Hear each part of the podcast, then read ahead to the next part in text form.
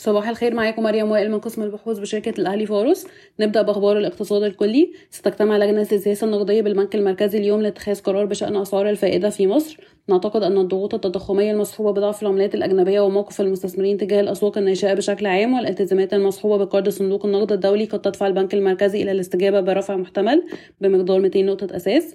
خصصت الحكومة 302.2 مليار جنيه لبرنامج الحماية الاجتماعية خلال السنة المالية 22-23 بزيادة قدرها 17.6% زادت الصادرات غير البترولية إلى 30.4 مليار دولار أمريكي خلال العشرة أشهر الأولى من عام 2022 بزيادة قدرها 12% على أساس سنوي.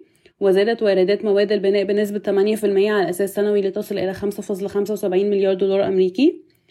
ننتقل لأخبار القطاعات والشركات. يباع طن حديد التسليح حاليا بسعر يتراوح ما بين سبعة وعشرين ونص وتلاتين ألف جنيه مصري للطن وهو أعلى من سعر بيع أرض المصنع بنحو تلاتة ونص لستة آلاف جنيه مصري للطن. أعلنت شركتا أموك وباكين عدم تجديد قيد أسهمهم, أسهمهم في بورصة لندن. أوشكت شركة الأصباغ الوطنية على الانتهاء من الفحص النافي للجهالة على شركة باكين ومن المتوقع أن يتم البت في العرض الخاص باستحواذها على الشركة في يناير المقبل.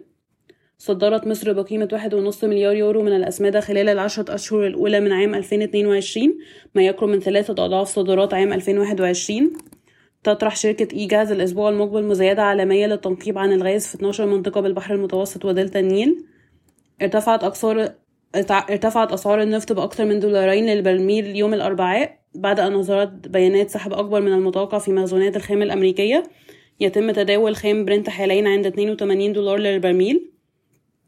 أظهرت بيانات الهيئة العامة للرقابة المالية ارتفاع أقساط شركات التأمين إلى 42 مليار جنيه بنهاية سبتمبر بمعدل زيادة 12% وبلغ حجم النشاط التأجير التمويلي 64 مليار جنيه بمعدل نمو 11% وارتفع قيم التمويل الاستهلاكي بنحو 84% إلى 21 مليار جنيه ووصلت أرصدة التمويل متناهية الصغر إلى 35 مليار جنيه بزيادة 45% على أساس سنوي.